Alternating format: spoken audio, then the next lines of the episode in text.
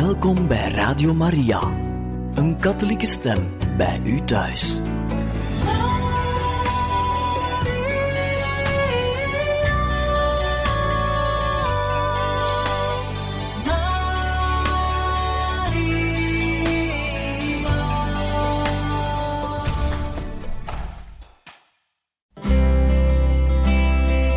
Welkom bij Boekat, een programma van Radio Maria.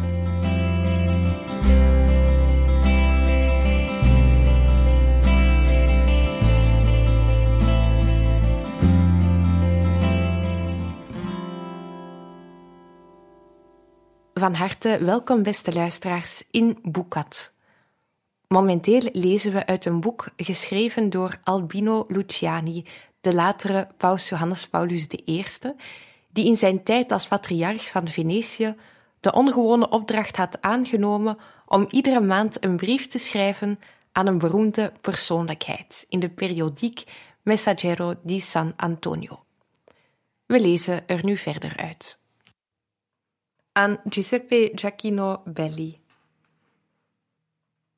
Giuseppe Giacchino Belli Romeins dialectdichter die leefde van 1791 tot 1863, was ambtenaar van de pauselijke staat.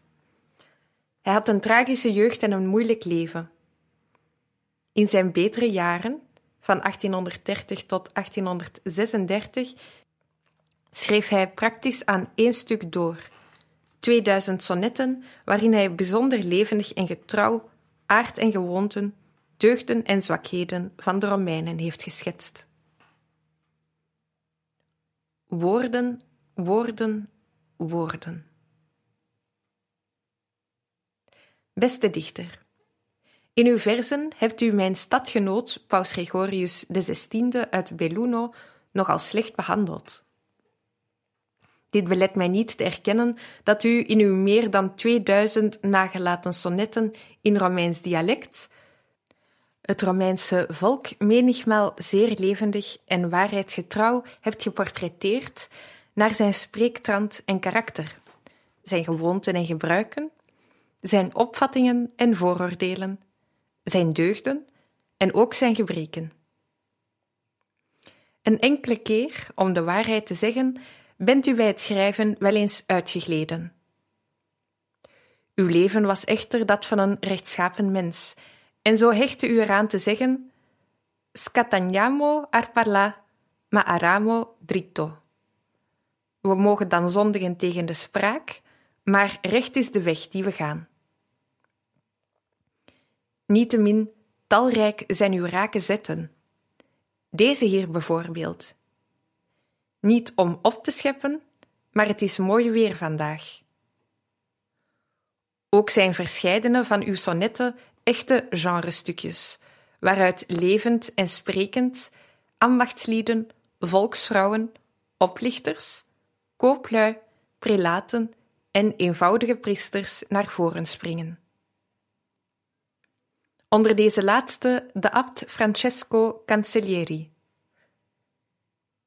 U hebt hem beschreven in beroemde verzen, die u zelf nadien in proza al dus hebt gecommentarieerd namelijk Cancellieri begon met te praten over radijsjes, dan over radijsjes met worteltjes, dan over worteltjes met aubergines. Om tenslotte uit te komen bij de brand van Troje. Einde citaat. Jammer dat de goede abt met zijn onsamenhangende en irritante woordenvloed slechte reclame heeft gemaakt voor het gesprek, dat, mits op juiste wijze gevoerd, toch zo'n groot goed is in het leven van ons arme mensen.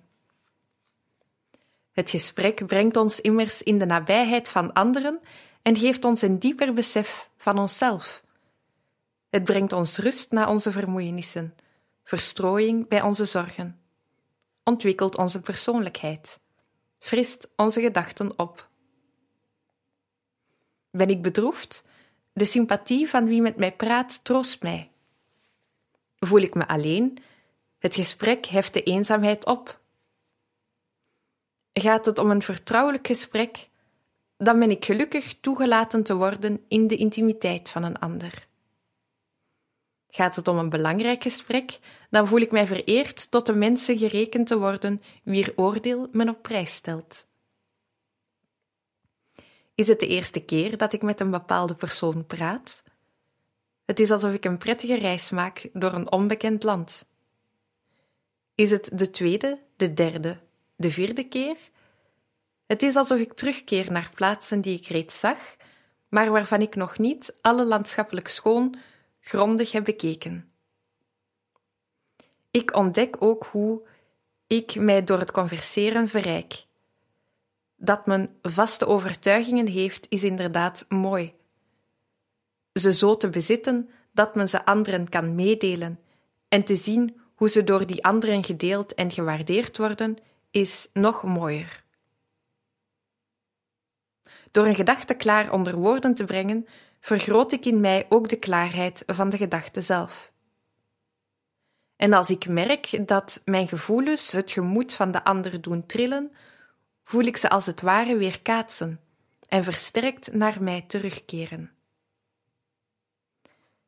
In het gesprek heeft ook Jezus verkwikking gevonden.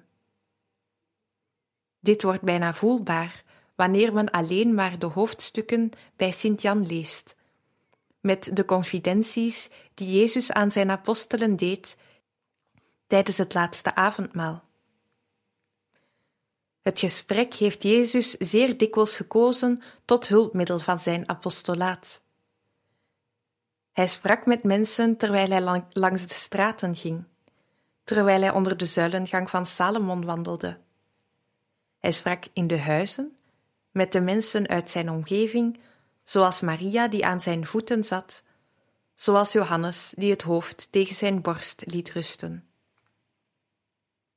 Meermalen heb ik me afgevraagd: waarom heeft de Heer dikwijls aan tafel de hoogste waarheden uiteengezet? Misschien omdat tijdens de maaltijd de mensen elke pose afleggen en een kalme, bescheiden, ontspannen houding aannemen. Aan tafel zijn bekommernissen en rusteloosheid kleiner, of tellen zij niet. Wanneer mensen zich aan tafel zetten, zijn zij niet uit op polemiek, maar bereid tot onthaal en sympathie. Het was dan ook juist tijdens een tafelgesprek dat ik er eergisteren bijna in slaagde een gast te overtuigen. Deze verklaarde zich, zo tussen twee beten in, tussen twee glimlachen door, een groot voorstander van het pluralisme in het geloof. Voor mij is het een klare zaak, zei hij. Niemand heeft de hele christelijke waarheid in pacht. Ieder van ons heeft er slechts een stukje van en we moeten er hem in vrede van laten genieten. De eenheid bereikt alleen God uit den hoge, door de verschillende stukjes bijeen te brengen en er de synthese van te maken. O, zo, zei ik. Neem me niet kwalijk, maar jouw idee van God en van waarheid lijkt me op die manier van de blinden uit Indië. Welke blinden? zei hij. Wacht, ik stond op, ging de kamer uit en kwam terug met in de hand de vier leesboeken van Tolstoy. Laat me je er een enkele bladzijde uit voorlezen. En ik las De olifanten van de koning. Een Indische koning beval alle blinden samen te brengen. Toen dat gebeurd was, gaf hij opdracht hun zijn olifanten te tonen. Eén betastte de poot, een ander de staart, een derde het begin van de staart, een vierde de buik, een vijfde de rug, een zesde de oren, een zevende de tanden en een achtste de slurf. Daarna liet de koning de blinden bij zich komen en vroeg: Waar lijken mijn olifanten op? De eerste blinde antwoordde: Uw olifanten lijken op kolommen. Dat was die de poten had betast. De tweede, die de staart had betast, zei: Ze lijken op een bezem. De derde zei: Zij lijken op een tak. Dat was die het begin van de staart had betast. Hij die de buik had betast, zei: Uw olifanten lijken op een zandmassa. Hij die de flanken had betast, zei: Ze lijken op een muur. Hij die de oren had betast, zei: Ze lijken op een ram. En degene die de tanden had betast, zei: Ze lijken op horens. Diegene die de slurf had betast, zei: Ze lijken op een dik kabel touw. En al die blinden begonnen onder elkaar te discussiëren en te twisten. Tot zover de fabel. Ik leg het boek neer en zeg: Luister, ik wens niet aan te nemen dat God zijn zoon heeft gezonden om ons te zeggen: Ik ben de weg, de waarheid en het leven. Met het fraaie resultaat dat wij ons daarna allen in de situatie zouden bevinden van die blinden, met ieder een schamel deeltje waarheid in de hand, verschillend van het deeltje van de andere. Dat onze kennis van de geloofswaarheden er een is door analogie, ja, maar dermate blind. Nee, het lijkt me zowel God als onze reden onwaardig. Het onverwachte stukje theologie, opgebouwd uit staarten en flanken van olifanten, overtuigde mijn gast niet helemaal, maar het schokte hem wel zo dat hij uitriep: Wel, dat had me nog niemand verteld. Weet je het nu ook? antwoordde ik. Soms zijn de kuikens wijzer dan de kip. Waar Raner niet slaagt met zijn dikke theologische boekdelen, kan Tolstoy inspringen met een fabeltje. Van Raner en Tolstoy doorluchtige belly keer ik terug naar u. Ik erken dat er in zaken het gesprek ook een keerzijde van de medaille is. Het vervelend geklets van uw abt Cancellieri is nog maar een klein voorbeeld. Er zijn er meer en wij weten ervan, wij uit Venetië, waar onze comedieschrijver Goldoni de narigheden die uit het gepraat kunnen voortvloeien, uitgebeeld heeft in zijn Pettegolesi delle donne, ofwel vrouwengebrabbel, in zijn La Bottega da Café, ofwel uw koffiehuis.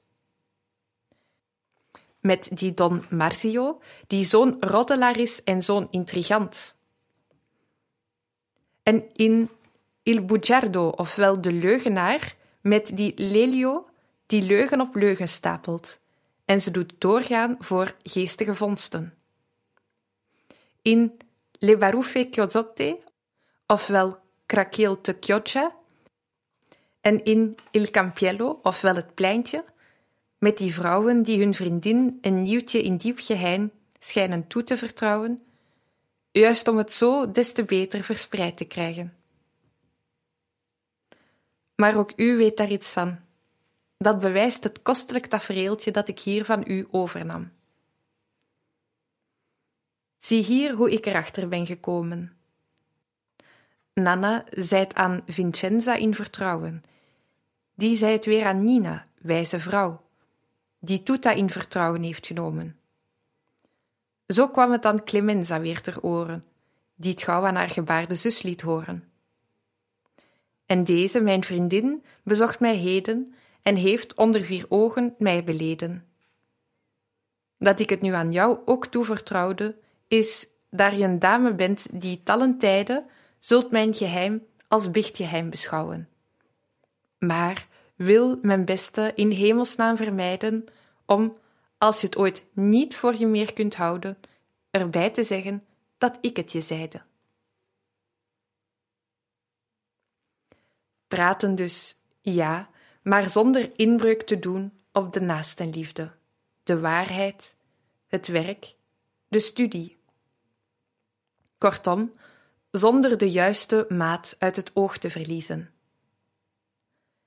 Laat ons niet overkomen dat, zoals wijlen een andere veelprater, ook wij op ons graf het volgende opschrift gebeiteld krijgen, namelijk hier ligt de grote kletsmajoor te zwijgen, zodat wij eindelijk ook het woord eens krijgen.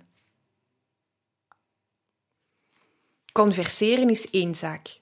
Iets anders is onbezonnen doorpraten en daarbij nutteloze nieuwtjes het een na het ander aaneenrijgen.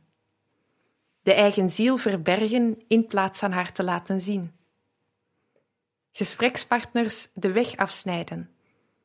De mensen doof praten en ze uitgeput achterlaten. Ik heb ergens gelezen dat Thomas More eens op een van zijn bezoeken aan Holland toevallig in gezelschap reisde van een man die een heel aangename wijze van converseren bleek te hebben.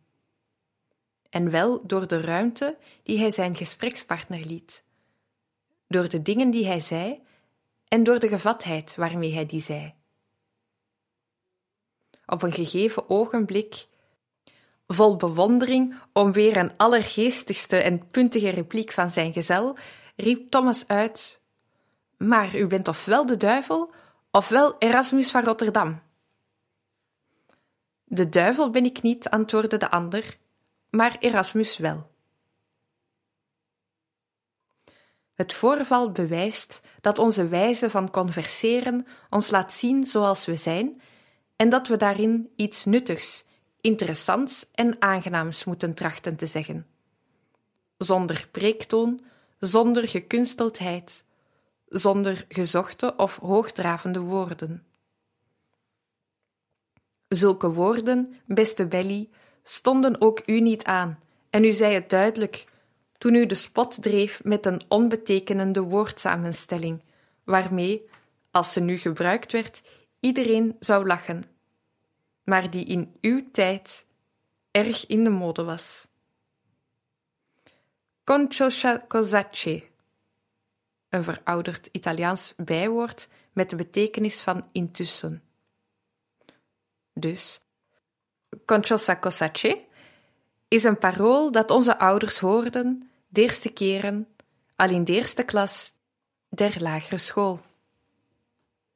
Zij hielden het al door in hoge eren, als telkens weer gebezigd taalidool, om daarmee vers en proza te stofferen.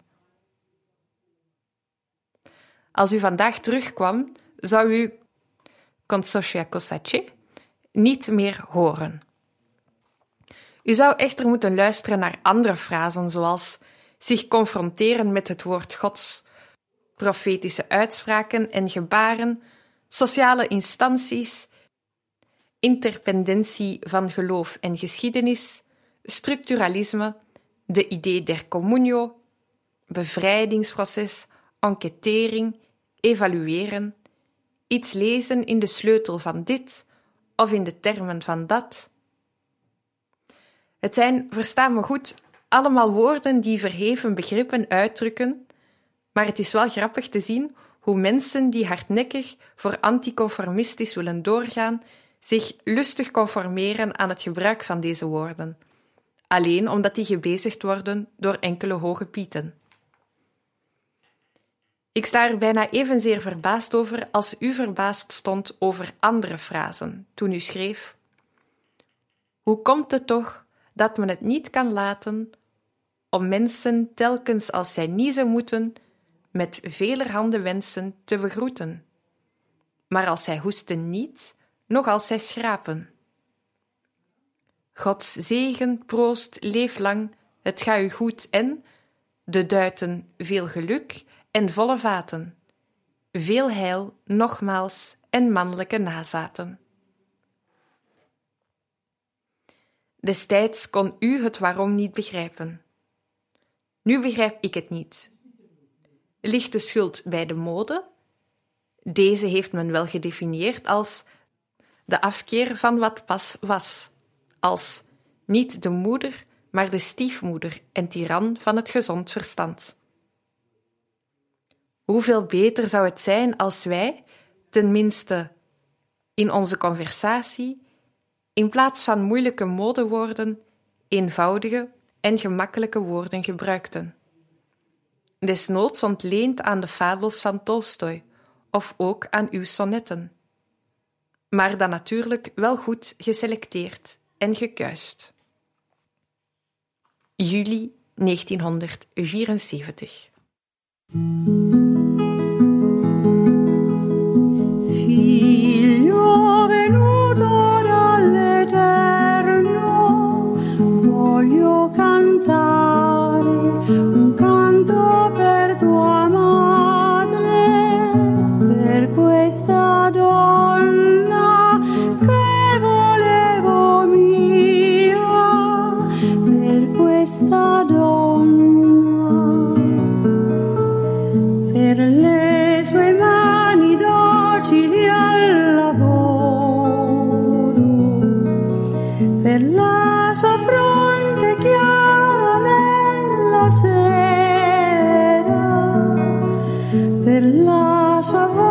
voce che mi fa tremare.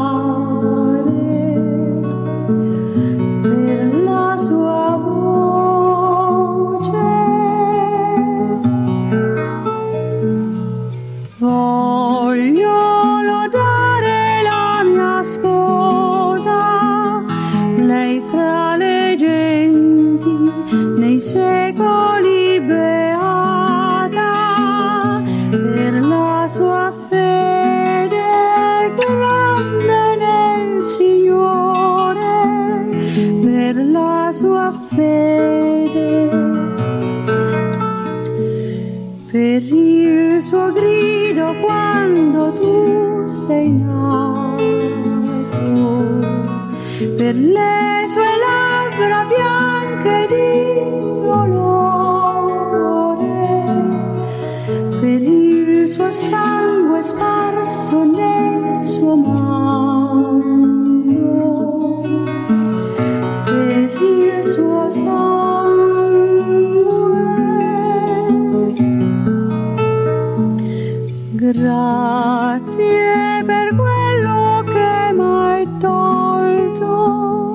Grazie Signore per questo.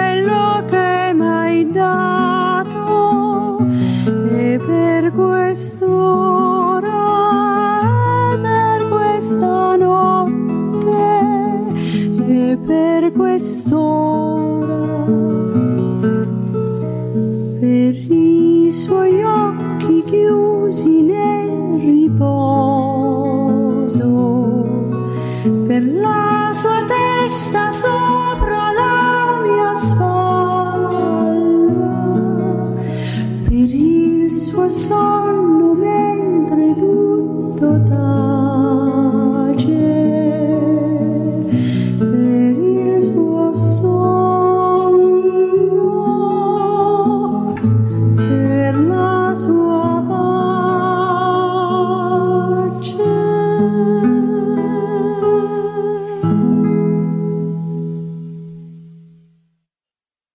aan Félix Dupanloup.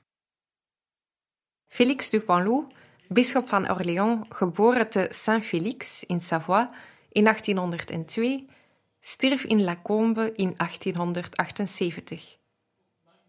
Hij onderscheidde zich door de deskundige en onvermoeibare ijver in de vorming van de klerus, in de opvoeding van de jeugd en in het onderricht van de catechismus als auteur van pedagogische werken en strijder voor de vrijheid van het onderwijs nam hij deel aan het Franse politieke leven. De tekst is er, maar ook het hoofd. Beste bisschop en academicien,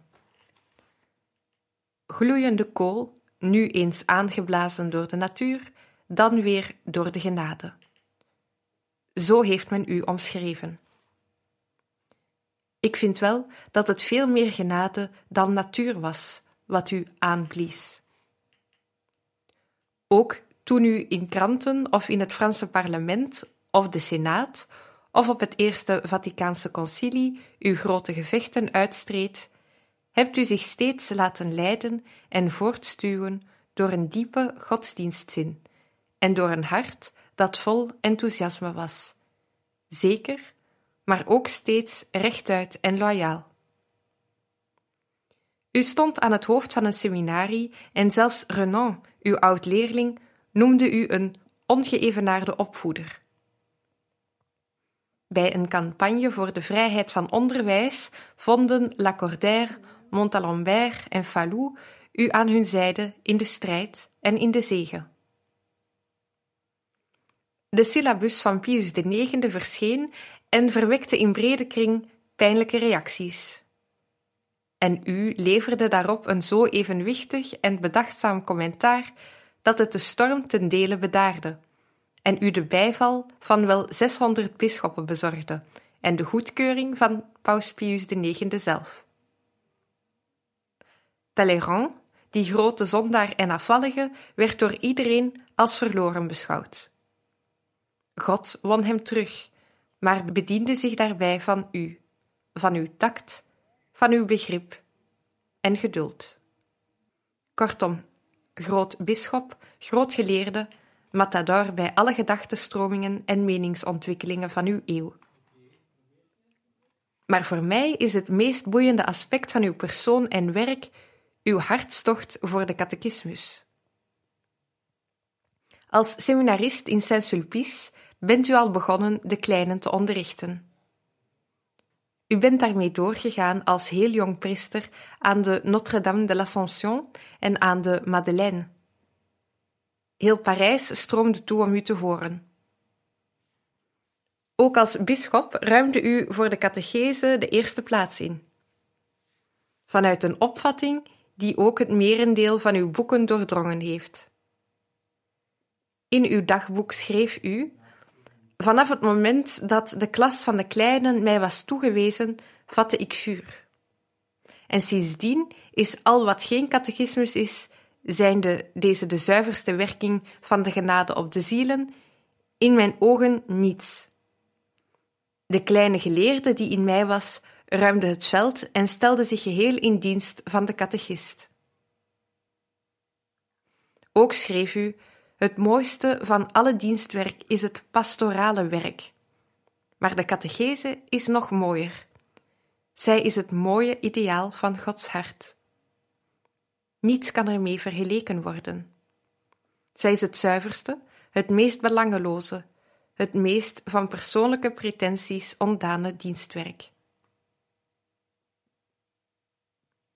Ik ben aan u en aan deze bezielde overtuiging van u gaan terugdenken, omdat ik hier de nieuwe kindercatechismus voor me heb liggen, waarmee men van de komende maand oktober af in Italië wil gaan werken. Een goede tekst, zo lijkt me. Maar wat is de tekst waard, als hoofd en hart van de catechist er niet bij zijn? Als jong priester kreeg ik al te horen de tekst is slechts een hulpmiddel, een stimulans, maar niet een gemakkelijke armstoel waarin de catechist zich neervlijt om uit te rusten. De teksten, hoe goed ook gemaakt, blijven een dode zaak. Het is de catecheet die ze tot leven moet wekken. De les is zo goed als haar voorbereiding was. De kleinen onderwijst men niet zozeer door wat men weet, als door wat men is.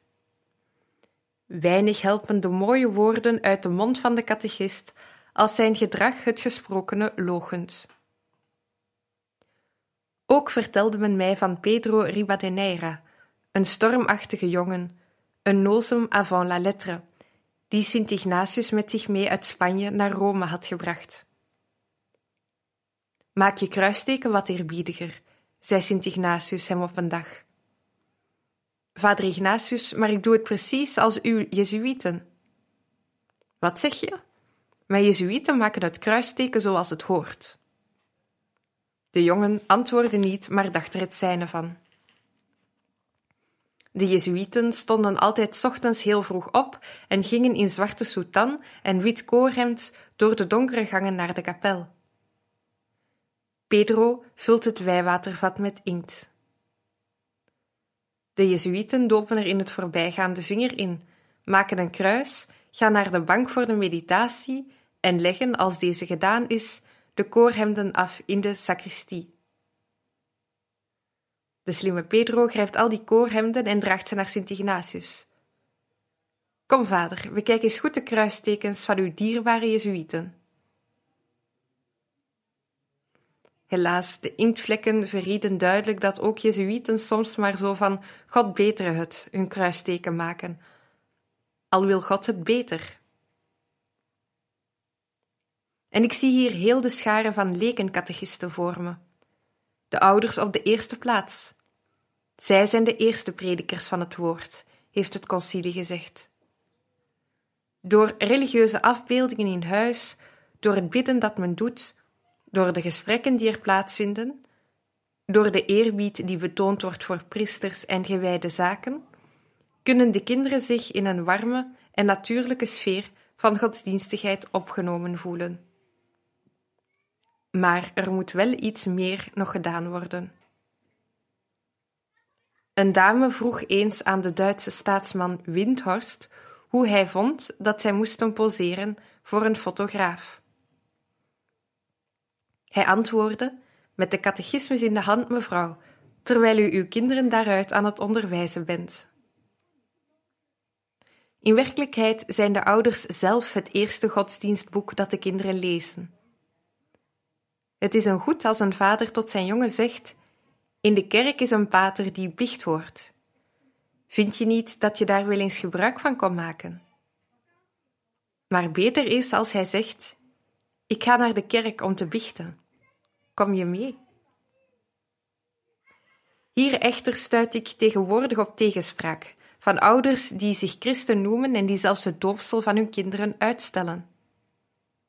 Geen enkele druk op mijn zoon. Laat hem zelf maar kiezen als hij twintig is.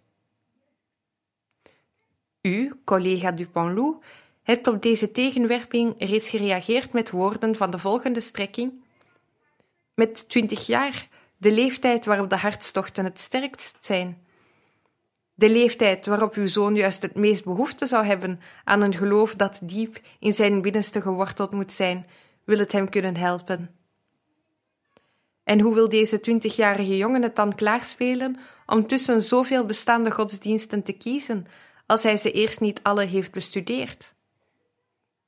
En hoe ze alle bestuderen, in beslag genomen als hij is door school, sport, vermaak en vrienden? Iemand hoeft om erfgenaam te worden van een uiterst rijke nalatenschap alleen maar geboren te zijn. Rijkdom en erven is inderdaad een geluk. En men denkt, men neemt aan dat het kind, hoewel zich er voorhands nog niet van bewust, te zijner tijd uiterst tevreden en volledig akkoord zal zijn met het fortuin dat hem te beurt valt. Als een vader overtuigd christen is, moet hij bedenken dat het een immens fortuin is, kind van God en broeder van Christus te worden.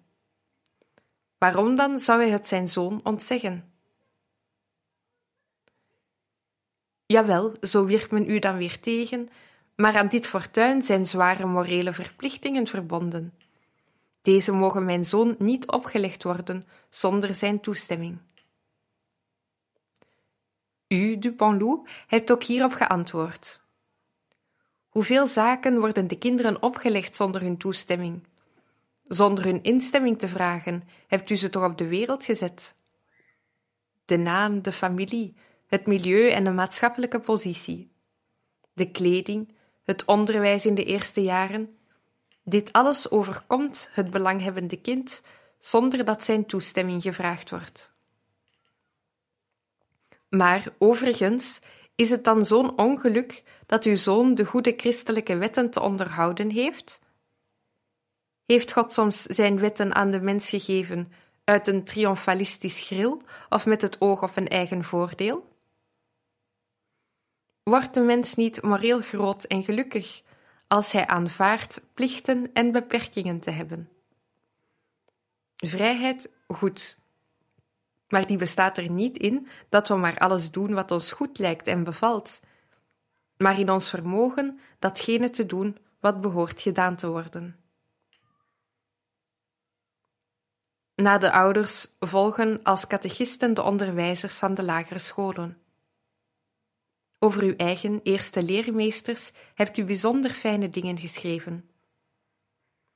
Op mijn beurt denk ook ik met tederheid aan de mijne terug en sluit ik me aan bij de woorden van de Duitse schrijver over en voor de jeugd, Otto Ernst, namelijk: Voor mij gaat er niets boven een meester van de lagere school. Ik zie me nog als kind zitten op de banken van mijn school te Canali met de gevoelens van een scholier. Zoals Oliver Goldsmith die twee eeuwen geleden beschreef in zijn Deserted Village. Een en al verbazing en met open mond voor de meester. En je maar afvragen hoe het toch mogelijk was dat uit één enkel zo klein hoofd zo grote en wondere zaken tevoorschijn konden komen. Begrijp me niet verkeerd, ik ben niet zo naïef om van de schoolkinderen en hun meesters een mythe te gaan maken. Er is ook de keerzijde van de medaille, ik weet het. Onschuldig als engelen, de kinderen, maar vaak hoogmoedig als prinsen, stoutmoedig als helden, dartel als veulens, koppig als ezels, wispelturig als de draaiende kroon van de zonnebloem, onverzadigbaar als jonge kraaien. Maar bij dit al in de heerlijke leeftijd dat een mens nog vol spontaan vertrouwen is en kneedbaar. Wat de meesters betreft, er zijn er die leerlingen bij hun zwak weten aan te pakken en wel bij hun behoefte aan een leider, die zich overtuigend en sympathiek weet te doen gelden. Er zijn er ook die, in plaats van de jeugd te mennen en in toom te houden, zelf getemd moeten worden en in toom gehouden. Ook getemd lijkt wel de onderwijzeres van de eerste klas, die door onze nationale humorist Giovanni Mosca wordt beschreven. Lopend door de schoolgangen, zo schrijft hij, kon men haar stem horen. Heeft een paard vijftien poten? Nee, hoorde men de kinderen in koor roepen. Heeft het er dan soms twaalf? Ook niet. En telkens het aantal van de poten verminderend, kwam ze tenslotte bij het juiste aantal. Heeft het er vier? Nee, riepen de kinderen vol vuur. Arme juf. De hier geciteerde Mosca was zelf uit een ander hout gesneden. Hoe hij erin slaagde het als zeer lastig bekende 5C te veroveren? Dood eenvoudig, door de sympathie van zijn veertig jongens voor zich te winnen. Maar hoe veroverde hij die sympathie? Hij vertelt het ons. Een bromvlieg was mijn redding. Een bromvlieg die in het lokaal was binnengekomen en met zijn gezoem de aandacht trok van heel de klas. Een andere meester zou misschien hebben gezegd: Let op mij en niet op de vlieg. Mosca evenwel zegt tegen een van de jongens: Denk je dat je die vlieg met één schot van de katapult kunt neerleggen? Dat is mijn vak, roept de knaap, die dadelijk uit de bank komt met de katapult in de hand. Op de vlieg mikt en schiet, maar doel mist. Geef hier de katapult, zegt Mosca, en op zijn beurt mikt hij op de bromvlieg, schiet en doet het dier dood voor zijn voeten neervallen. Een staaltje van de hoogste bekwaamheid dat hem onmiddellijk de bewondering van de jongens verzekerde, die eerst nog in dreigende en wantrouwende houding hadden afgewacht. Had je tenminste maar een snor, had de directeur hem gezegd die er wegens de al te jeugdige leeftijd van de nieuwe meester niet veel vertrouwen in had. Meer dan een snor tellen echter, zoals men ziet, andere gaven. Het goede dat de onderwijzers, dankzij hun overwicht, aan de kinderen bij het godsdienstonderricht kunnen doen, is onschatbaar. Maar op één voorwaarde: dat zij getrouw het authentieke woord van God uiteenzetten en niet de eigen persoonlijke opvattingen. Dit laatste gebeurt soms. De waarheid wordt verward met progressiviteit. Wat het leergezag van de kerk onderwijst, wordt miskend, omdat men door nieuwe zaken de oude wil vervangen. Maar deze vervanging, die soms toelaatbaar, nuttig of zelfs noodzakelijk blijkt als het om dingen gaat die van bijkomende aard of zelfs door de ontwikkeling van de kerk achterhaald zijn, is allergevaarlijkst in andere gevallen. Een van de fabels die de onderwijzers aan de kinderen vertellen, is die van Aladdin en zijn wonderlamp, die hij de magier had ontfutseld. Maar na een tijd wil deze zijn lamp zien terug te krijgen. Hij loopt door de straten en roept: Ik ruil oude lampen in voor nieuwe. Het lijkt een goede zaak, maar het is oplichterij. De goedgelovige vrouw van Aladdin loopt erin. Terwijl haar man niet thuis is, gaat zij naar de zolder, neemt de lamp waar zij de wonderbaarlijke kracht niet van kent en geeft hem de magier. De sluwe vos gaat ermee vandoor en laat daar in ruil al zijn lantaarns van blinkend blik, maar zonder enige waarde. Dezelfde truc wordt steeds weer herhaald. Af en toe komt een magier voorbij, zij het een mysticus, een filosoof of een politicus, en biedt aan koopwaar in te ruilen. Maar pas op, de ideeën door bepaalde magiërs aangeboden zijn, ook als ze blinken, van blik. Een menselijke zaak, die maar één dag stand houdt.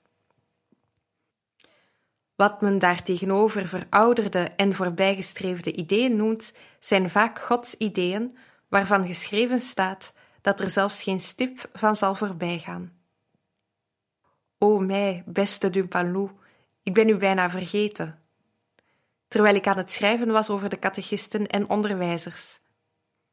Maar juist aan deze catechisten en onderwijzers hebt u iets te leren. En wel dit: de trouw aan God te verenigen zoals u gedaan hebt, met vertrouwen in de eerste waarde van de moderne beschaving en in de eeuwige jeugd van de kerk. Augustus 1974